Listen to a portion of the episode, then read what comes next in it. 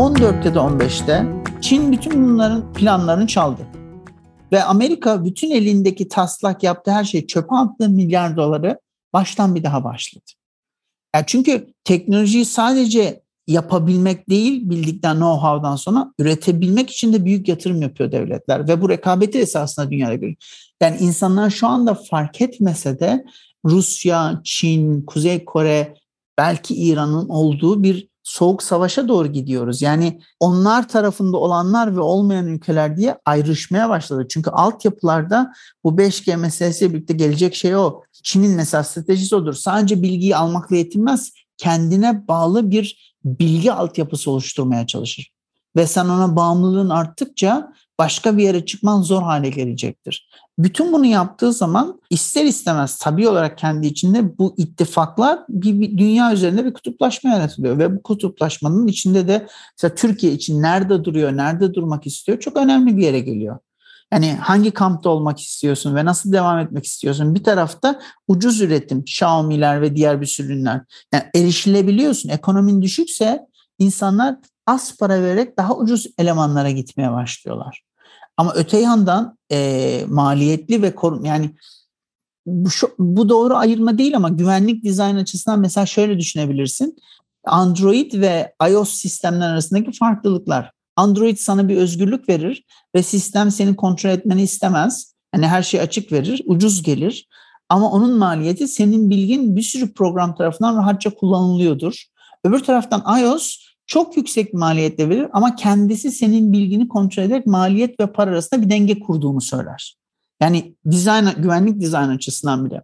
Bütün bunlar dünya rekabetine de bir şekilde yansıyor ve farklılaştırmaya başlıyor aramızdaki duruş ve tavırları. Hocam peki burada daha spesifikleşeyim. Şimdi savaş konusuna gelelim. Şimdi fiziki savaş var bir de siber saldırılar var. Bu ikisi arasında bir korelasyon var. Mutlaka var yani. Ben, ama bilimsel olarak tabii söyleyemeyeceğim böyle şunu ama mesela Ukrayna ve Rusya arasında bir savaş başladığında ilk yaptıkları şey Rusya'nın Ukrayna'nın banka sistemine saldırmaktı. Ukrayna'da Batı destekli bir hacker grubu Anonymous'la e, muhtemelen de CIA falandır herhalde o arkasındaki güç ne bilmiyorum ama Rusya'ya saldırmaya başladı.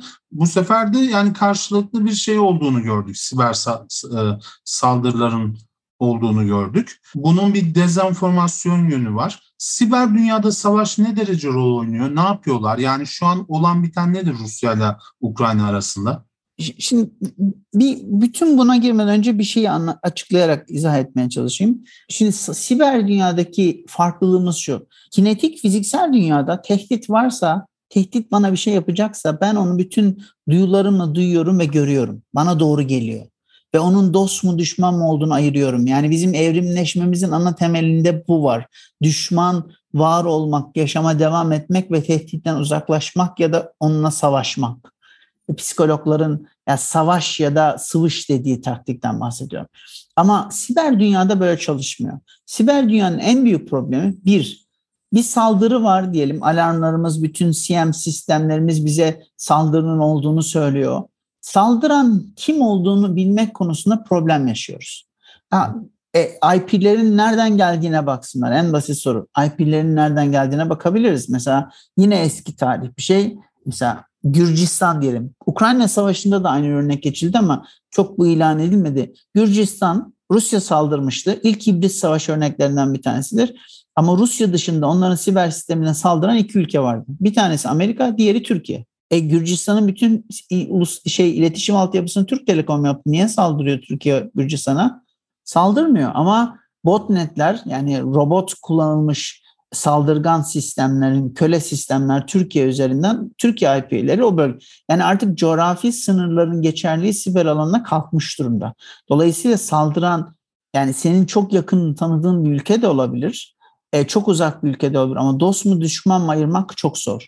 Bir de saldıran bir kişi mi yoksa bin kişilik bir ordu mu bunu bilmek de çok zor. Yani bu farklılığı anlamadığımız zaman şeyi ayırt etmekte zorlanıyoruz. E o zaman şöyle yapsınlar demesi.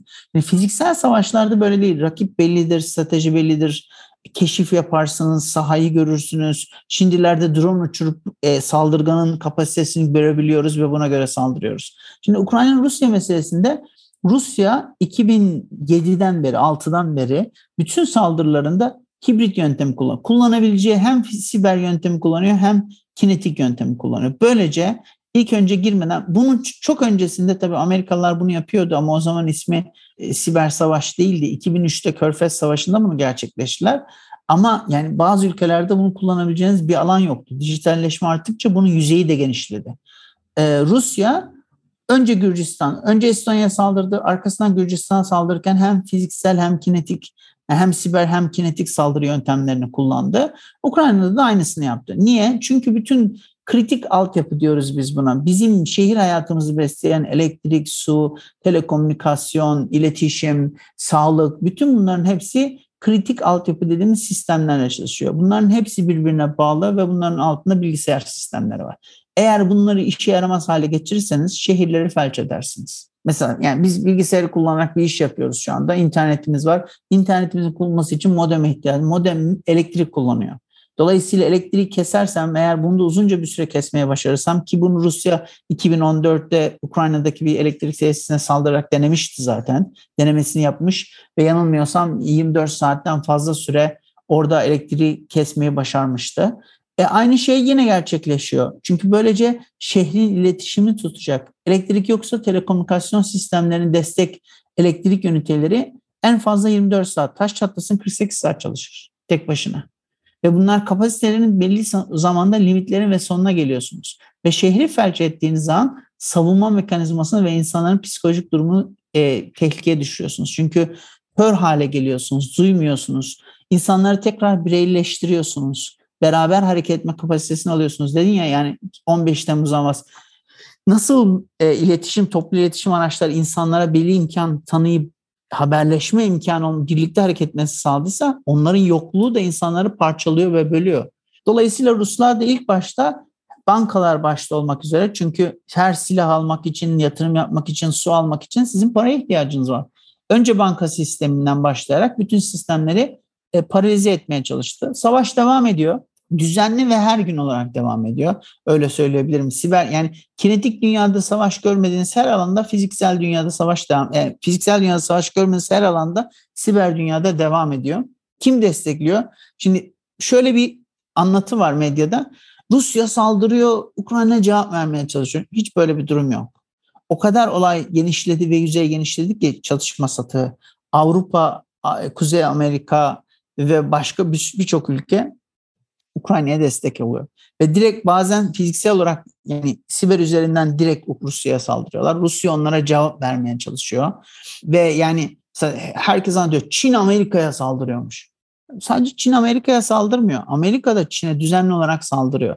Siz sadece bir kısmını duyuyorsunuz ya da bir kısmı medyaya çıkıyor ve insanlar zannediyor ki bir taraf saldırıyor bir taraf yani zalim ve mazlum ikilemi kuruyor hemen kafasında. Böyle bir şey yok. Herkes birbirine saldırıyor. Çünkü her gün düzenli olarak çok fazla sayıda test, deneme, herkes birbirinin kapasitesini siber dünyada test ediyor. Bu Ukrayna taraftarı olan Anonymous Group senin de söylediğin yani hem Amerika destekli olmak üzere Avrupa'nın büyük güçlü önemli ülkelerinde içinde olduğu Fransa'nın, e, Almanya'nın, e, Hollanda'nın içinde olduğu çok kapasitesi yüksek devletler e, Ukrayna'ya destek oluyorlar ve Rusya'ya saldırıyorlar ve hatta geçenlerde bir oyun düzleminin içine eklediler. E, sen oyun oynuyorum zannederken Rusya'ya saldırıyorsun. Alan çünkü çok genişlemiş durumda. Tam o e, bahsettiğim akışkanlık yani ben başka bir şey yapıyorum esasında ama farkında değilsin ki senin yaptığın bilgisayar arka tarafta başka bir şey yapıyor. Bu, bu çok ilginç bir yere gidiyor. Dolayısıyla artık savaşlar eskiden anladığımız savaşlar gibi değil. Yani eski onun için biz genellikle uluslararası ilişkiler literatüründe yeni savaş diye bir kavram. Eski savaşın başlama ve bitiş tarihi vardı. Hedefleri vardı bite ve yoğunluk yüksekti. Şimdi yoğunluğu düşük, sürekli belli bir hedefi ve sonucu olmayan savaşlar var dünyada. Yani sürekli dünyanın dünyada devam eden savaşlar var küçük ölçekli. O savaşlarla dünyanın gazı alınıyor ama belli bölgeler tamamen çatışma bölgesi haline dönüşüyor maalesef. Peki hocam bu belirli bölgeler deyince NATO tabii NATO bir bölge aslında. Bugünlerde epeyce gündeme geldi. Türkiye'nin vetosu var. işte tartışılıyor doğru mu doğru bu bir şey miydi değil miydi ama ben başka bir şeyi söyleyeceğim. NATO bir coğrafyayı temsil ediyor ve giderek de genişliyor. NATO'nun siber dünyada da hissedilir bir gücü var mı? Şimdi şöyle yine Rusya yani NATO'nun bütün güçlenmesi ve güçsüzlüğün ana temeli Rusya esas. Yani kuruluş amacına da uygun bir mantıkla geçmiş. Yani kuruluş amacı bu değildi ama yani onun parçası olarak Soğuk Savaş'ta geçmiş bir yapı. 91'den sonra düşüşe geçti. Çünkü anlamını yitirdi. Rusya ortadan kalkınca yani eski Rusya olmayınca Sovyetler Birliği anlamını yitirdi. Ama sonrasında fark edildi ki Rusya farklı bir yere doğru dönüşüyor ve NATO da güçlendi. NATO'nun en baştan beri 2016'ya kadar gelir, gelirken siber stratejisi hep şeydi. Siber savunma. Ben her görüştüğümde yani oradaki uzmana diyordum yani nereye kadar savunabilirsiniz? Bir noktada saldırılırsa karşılık vermeniz gerekebilir. Bunu ne yapıyorsunuz diyordum. Ve 2016'da dediler ki artık bize saldırı olursa biz de karşılığında cevap vereceğiz. Bunun için birlikler oluşturuyoruz. Kendi içinde güçlü bir sistemin, sistematiğin olup olmadığı konusunda soru işaretleri hala var. Ama şunu söylüyorlar, bizim kendi bünyemizde doğrudan e, saldırı yapma kapasitesi olmasa bile üye ülkelerimizden böyle kabiliyetleri olan ülkeler var ve bunlarla konuşulmuş durumda bir şey olduğu zaman direkt bunları sahaya göndermek üzere planlama yapmış yaptık diyorlar. O yüzden NATO'nun böyle bir şey ve, ve NATO 2007'den bu yana siber saldırı, savunma, uluslararası hukuk, hukuk işte siber terörizm falan gibi bir sürü farklı alanda değişik e, mükemmeliyet merkezleri oluşturdu. Burada ciddi bir üretim var ve bu üretim belli yapıların nasıl karar verilmesi gerektiğini söylüyor. Ama problem dünyadaki bir sürü organizasyonel yapıdaki problem şu. Bunları yöneten belli yaşın üstünde insanlar. Yani şimdi şunu ortaya açıkça koymalıyız. Bazı insanlar hala dijital göçmen. Yani var olan dinamikleri anlamak konusunda biraz uzaktan geliyorlar ve itidalli yaklaşıyorlar. Yani her ne kadar klasik bir tehdit gibi gözükse de siber tehditler klasik tehditler sıralamasında değildir. Kendine ait bir yapısı var, kendi dinamikleri var. Dolayısıyla biraz jenerasyonel değişimle daha NATO kendi istediği güvenlik yapısını oluşturmaya başlayacak. Bu da zaman alıyor maalesef. Yani Rusça bilen insanlar gidiyor ve şimdi mesela artık bir tek Rusça da yetmiyor. Çince bilen insanların da gelmesi gerekiyor. Hı hı. Bunların yapısını genişletebilmek, sahip olabilmek, bunları çalıştırabilmek büyük bir beceri ve kabiliyet. Bu konuda çok zorlandıklarını tahmin ediyorum. Yani açıkça dile getirmeseler bile. Evet. Yani tabii şimdi biz e, bunun e, yani savaş bağlamında bu konuya değindik. Bir de kullanıcı yönüne değinmek istiyorum ben. Yani siber saldırıların bir de dolandırıcılık yönü var. Yani nasıl bu? İşte en bilindik yöntem ransomware ya da fidye yazılım deniyor. Bu dolandırıcılık yöntemleri hakkında da biraz konuşmak istiyorum ama e, bu yazılımlarla ne derece başarıya ulaşıyor? Mesela doğrudan kullanıcıları yani end user dediğimiz kullanıcıyı mı hedef alıyor yoksa daha çok şirketleri, bankaları, özel kurumları, kuruluşları mı hedef alıyor? Bu dolandırıcılık yöntemi nasıl bir şey? E, fidye yazılım ilginç esasında son yıllarda çok büyük, büyük yükselişe, yükselişe geçti. Daha önceden de bildiğimiz bir yöntemdi. Yani grafikler e, bakıldığı zaman daha önce de uygulanmaya çalıştı ama bu kadar başarılı olamamışlardı. Pandemide çok arttı. Fidye yazılımın şimdi problemimiz şu. Tehdit aktörleri kendi başlarına böyle annesinin işte oda bir odasında işlem yapan, tek başına takılan işte ya biraz kodlama bilen insanlar falan diye hayal ediliyor bazen. Böyle değil. Artık saldırı bir iş modeli haline gelmeye başladı. Ve fidye yazılım da bunu kullanıyor. Yani fidye yazılım yapan bir grubun bünyesinde en az 15-20 kişi çalışıyor. En az ve değişik gruplarla çalışıyorlar. Şunu yapıyorlar basitçe. E, son eskiden bildiğimiz örnekler böyle çok basit gruplar e, son kullanıcıyı senin söylediğin end user'ı hedef alıyordu. Ama şu anda artık daha büyük şirketlere tarama yapıp büyük şirketleri kullanıyorlar. Niye? Çünkü getirisi çok yüksek. E, hatta e, Ukrayna-Rusya savaşında bir kısım insanlar şey demişti. Yani Rusya bu e, fidye yazılımlardan kazandığı parayı kullanıyor demişti. Çünkü bizim bildiğimiz Rusya'da birçok e, fidye yazılım grubu büyük paralar kazandılar gerçekten. Şimdi nasıl çalışıyor? Şöyle, ilk önce sistemde bir açık bulmaya çalışıyorlar. Bir tarama yapıyorlar. Tarama yapılabilen birçok bir arama motoru var. Bu arama motorlarından buldukları hedeflerin etrafında önce bir pen testing yapıyorlar. Yani nasıl pen testing yaptırır? Pen testing dediğimiz de şu e, açık adı penetration testing. Yani bir yere girebilmek için ne tür zafiyetlerin olduğunu kontrol eden bir deneme testi. Bir deneme. Bu denemeyi yaparken de bunun için uzmanlaşmış sızma uzmanları var. Penetration sızma testi deniliyor. Sızma uzmanlarını internet üzerinden sanki bir iş alıyormuş gibi işe alıyorlar ve hiç görmeden remote çalışarak diyorlar ki şu raporunu verirsen bize biz iş aldık bu işi sana verelim onun karşılığında şu kadar para verelim. Sen hiç bilmiyorsun kötücül bir insan da değilsin herhangi bir e, fidye alma eğiliminde yok herhangi bir organize suç örgütüyle çalıştığının farkında değilsin. Sen oturup bir güzel o firma o şirket hakkında bir sızma testi yapıyorsun ve rapor çıkarıyorsun. Ve firma sana paranı veriyor, alıyor, onların üzerine çalışıyor bulduğun zafiyetler üzerine. Sonra bir şekilde sisteme, yani bin, bir sürü yöntemi var. E, Mitre bu konuyu anlatan çok güzel yapılardan bir tanesi de sızıyor. Sızınca yatay hareketle etkisini ve kullanıcı yani yönetici seviyesindeki kullanıcı haklarına erişinceye kadar ilerletiyor. Ondan sonra analiz yapıyor. Bunlar çok uzun süre oturuyorlar ki artık iş analizi bile yapıyorlar. Kaç para kazanıyorsun? Ne kadar kazanıyorsun? Ne kadar satış yapmıştın? Gerçekten iş analizi yapan insanlarla çalışıyorlar sisteme girdikten sonra. Çünkü ikinci kısım için çok önemli ve bu insanlarla oturup pazarlık yapmaya başlıyor. E, sisteme giriyorlar. Genellikle hafta sonunda veya akşamlı saatlerinde sistemin önemli verilerini kendine transfer ediyorlar. Kalan verileri büyük enkript e, şifreleme yöntemleriyle şifreliyorlar. Ve siz pazartesi geldiğiniz sistemi açtığınız zaman güzel bir ekran karşılıyor sizi. Diyor ki eğer bana şu saat içinde 48 saat 24 saat e, şu şu adrese Bitcoin adresi veriyor.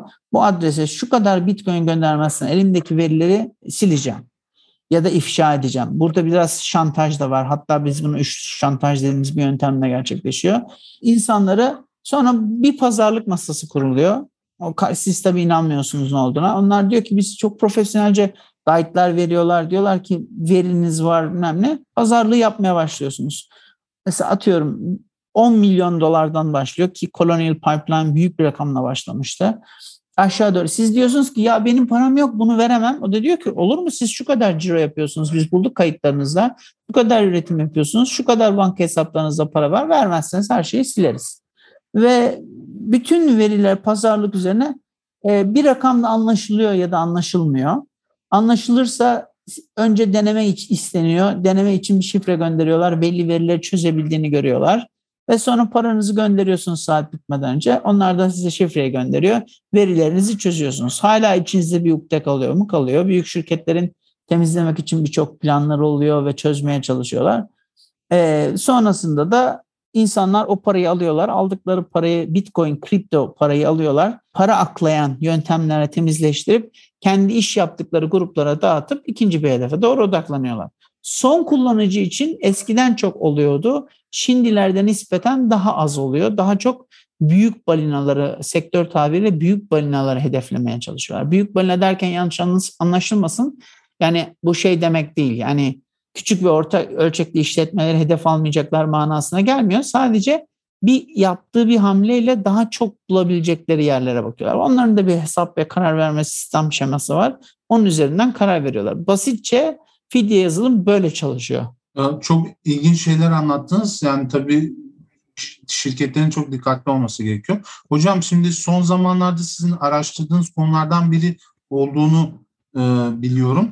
Ama tam olarak spesifik bu mu bilmiyorum. Şimdilerde biz bir nükleer santral kuruyoruz. Akkuyu'da sanıyorum. Bir de bir tane daha mı olma, o galiba ikinci bir şeyde ihalesi mi yapıldı ya da başlandı mı şimdi o da konuşuluyor. Siz bu altyapıların siber güvenlik açısından nasıl değerlendiriyorsunuz? Şimdi bizdeki nükleer tesis bir tanesi Akkuyu'muz şu anda var. Diğerlerin planları yapıldı ama tek yani gördüğümüz fiziksel olarak başlayan Akkuyu. Akkuyu ilginç bir model. Mesela Fransa'nın 100 tane nükleer santrali var ve işletiyor bunu. Yani nükleer araştırma merkezi ve nükleer elektrik santrali olmak üzere. Bizdeki ilk ama bizdeki ilkin bir e, farklılığı var. E, yap, sahiplen ve işlet diye bir modeli kullanıyor bizim build own operate dedikleri bir yöntemi kullanıyor ve Akkuyu Türk şirketiyle Rusya ortaklığı, Rosatom arasındaki bir ortaklıkla inşa edecek. Dolayısıyla güvenlik için e, çeşitli güvenlik e, regülasyonları getirdiler. Çünkü nükleer santraller regülasyon konusundaki en hassas yerlerden birisidir. Hem nükleer emniyet hem nükleer güvenlik açısından. Siber uygulamaların nasıl yapılanacağını yani elimizde Cumhurbaşkanı İletişim Ofisi'nin rehberi dışında bir şey yok. Dolayısıyla bilmiyoruz. O kısma daha henüz geçilmedi.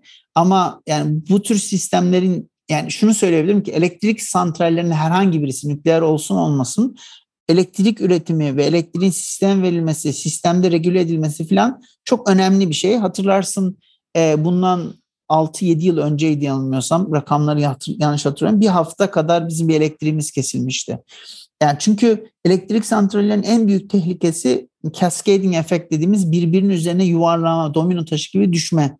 Eğer bir dalgalanma ortaya çıkarsa ve bu dalgalanma emilemezse ve bu dalgalanma diğer sistemlerde etki ederse bütün sistemler çökebiliyor. Ya bu da basit saldırı yöntemlerinden bir tanesi. Daha çok kritik sistem çalışan insanlar e, böyle yapılara odaklanıyorlar. Bizim nükleer tesisimiz için de böyle bir tehdit olmaması için yani çalışan insanlar nasıl olacak, yapı nasıl organize edecek çalışıldığını biliyorum. Ama henüz çıkmış bir regülasyon yok. Olan regülasyonlar bildiğim kadarıyla diğer sektörlerde ilgilen regülasyonlar. Belki nükleer için oluşturdukları regülasyonu e, yayınlanmasına izin vermeyecekler. Ama Dünya Atom Enerjisi Ajansı'ndan bildiğimiz uygulamalar var. Gitgide yani bu iş e, nükleer kontrolü meselesi çok daha uzmanlaşmaya başladı. Ama bu sistemlerin bahsettiğimiz diğer sistemlerden bir farklılığı var. Belki onun altını çizmek zorundayız. IT dediğimiz sistemler yani bilgi işleyen sistemler data üzerine, veri üzerine odaklanırken OT dediğimiz e, endüstriyel sistemler daha çok operasyon üzerine odaklanıyor ve bunların bir kısmı yani en büyük bir kısmı esas çalışan merkezi air gap dediğimiz internet bağlantısı kesilmiş ve diyotlarla iletişim sağlayan bir yapı üzerine kuruluyor. O, o yapının ayrıldığı için güvenli olduğunu düşünen insanlar var ama işte tam da bu Stuxnet örneği bize bunu gösterdi. Zannettiğimiz kadar da güvenli olmayabiliyor ve gerçekten e, birileri tehdit etmek isterse değişik yöntemler kullanabiliyor. Bunun için en baştan bu tür yapıları dizayn ederken güvenlik mentalitesi e, düşünülerek tasarlanmalı. Biz buna güvenlik yapısı diyoruz, security architecture. Bu tamamen bu yapılar için tehditler kimler, kime karşı korumak istiyoruz, neler yapacağız diye dizayn edilmeli. Bu da çok büyük uzmanlık ve zaman gerektiren bir iş olduğunu söyleyebilirim. Bu e, programı yavaş yavaş kapatıyoruz ama e, ben son ve en kritik sorumu sormak istiyorum. Ben dinleyicilerin bunu merak ettiğini biliyorum çünkü. Hocam siber dünyadan korkan ve güvenliğini sağlamak isteyen kişilere, insanlara neler öneriyorsunuz? Yani en basit şu anda önereceğim şey çok faktörlü onaylamayı kullansınlar. Yani iki faktörlü onaylama diye geçiyor bu. E, birçoğumuz birçok e-mail hesapları kullanıyoruz ya da uygulamalar kullanıyoruz. Biliyorum el oyalıyor ama onu kullanmaya başlamaları en basit şey olarak bunu tavsiye ederim. Çünkü siz farkında olmadan firmalar şifrelerinizi kaybediyorlar ya da hackerların, crackerların eline geçiyor ve o şifrelerin hashleri çok rahat belli saldırıları gerçekleştirmek için kullanılabiliyor. Şifreler önemli. Bunun için iki faktörlü onaylamaya muhakkak geçmeleri lazım. İki, bir anormallik gördüler. Sistem gereğinden fazla çalışıyor, fazla ısınıyor. Biraz şeye bakıyor olmaları lazım. Hangi programlar çalışıyor benim sistemde bakıyor olmaları lazım. Güvenlikleri ve güncellemeleri sık sık yapmalarını tavsiye ediyoruz. Çünkü insanlar bu konuda biraz ihmalkar davranıyorlar. Mümkünse aldığınız ekipman ve aletleri o size verilen haliyle onların her firmanın verdiği standart bir kullanıcı adı ve şifresi var. O halde tutmamanızı tavsiye ediyoruz. Yani bir gelip sizin evinizde bir modem kurdular ve ona işte hangi bir hizmet sağlayıcı kullanıyorsanız bir şifre veriyor o yönlendiricilere, routerlara. Herkes bunu kullanıyor. Belki yaz aylarının son önerisi şu olabilir. Eğer tatile gidiyorsanız da Wi-Fi'lerinizi kapatıp öyle gidin. Modemlerinizi kapatıp öyle gidin. Çünkü başka fırs insanlara bunu deneme fırsatı veriyorsunuz ve siz onların başında yoksunuz. Yani şunu söylemek lazım. Denilemeyecek, girilemeyecek hiçbir sistem yoktur. Bunu ben söylemiyorum. Gerçekten sahadaki, sektördeki insanlar söylüyor. Mesele sizin sisteminiz çöktükten sonra ne kadar hızlı ayağa kalkabildiğinizdir. Dolayısıyla bu bize bir şey öğretiyor esasında. Bütün verilerimizin, kritik verilerimizin backup'larını e, almalıyız ve biz belli bir şekilde yedekli olarak bizim evimizde bulunmalı. Bu yedek de yani mü- mümkünse iki tane olmalı. Bir tanesi e, internete bağlı olabilir ama bir tanesi internetten ayrı olarak tutulmalı ki bir kriz halinde önemli verilerinize tekrar dönebilin. Yani bu en basit söylenebilecek şeyler bunlar. Bir de lütfen gördüğünüz her linke tıklamayın. Yani muhteşem haberler verebiliyor olabilir. Nijeryalı birisinden kalmış milyon dolarlar olabilir. Şimdi Ukraynalı oldu onlar gerçi. Yani hiç kimse bu kadar hızlı ve kolayca para kazanamıyor. Kazananlar var ama bunlar Nijeryalılardan ve Ukraynalılardan almıyor. Lütfen onun için linklere tıklarken biraz şüpheyle davranın. Ve mümkünse yani bu şu çok önemli bir şey. Eğer bir sitede geziniyorsunuz ve ne olduğunu bilmiyorsanız private site dediğimiz yani her e, göz atıcının yani Firefox, Safari, Chrome ne kullanıyorsanız gizli diye açabildiğiniz bir penceresi var. O pencereden açarsanız sitenin ver, vereceği zararı sizin hakkınızda topladığı bilgiyi minimize etmiş olursunuz. Bence bu çok önemli. Evet. Bugün konusunda oldukça yetkin bir ismi Salih Bıçakçı'yı 21. yüzyılda siber güvenlik başlıklı programda ağırladık. Kendisine çok teşekkür ediyoruz. Davetimizi kırmadı, çok kibar. Çok teşekkür ediyorum. Herkese iyi günler diliyorum.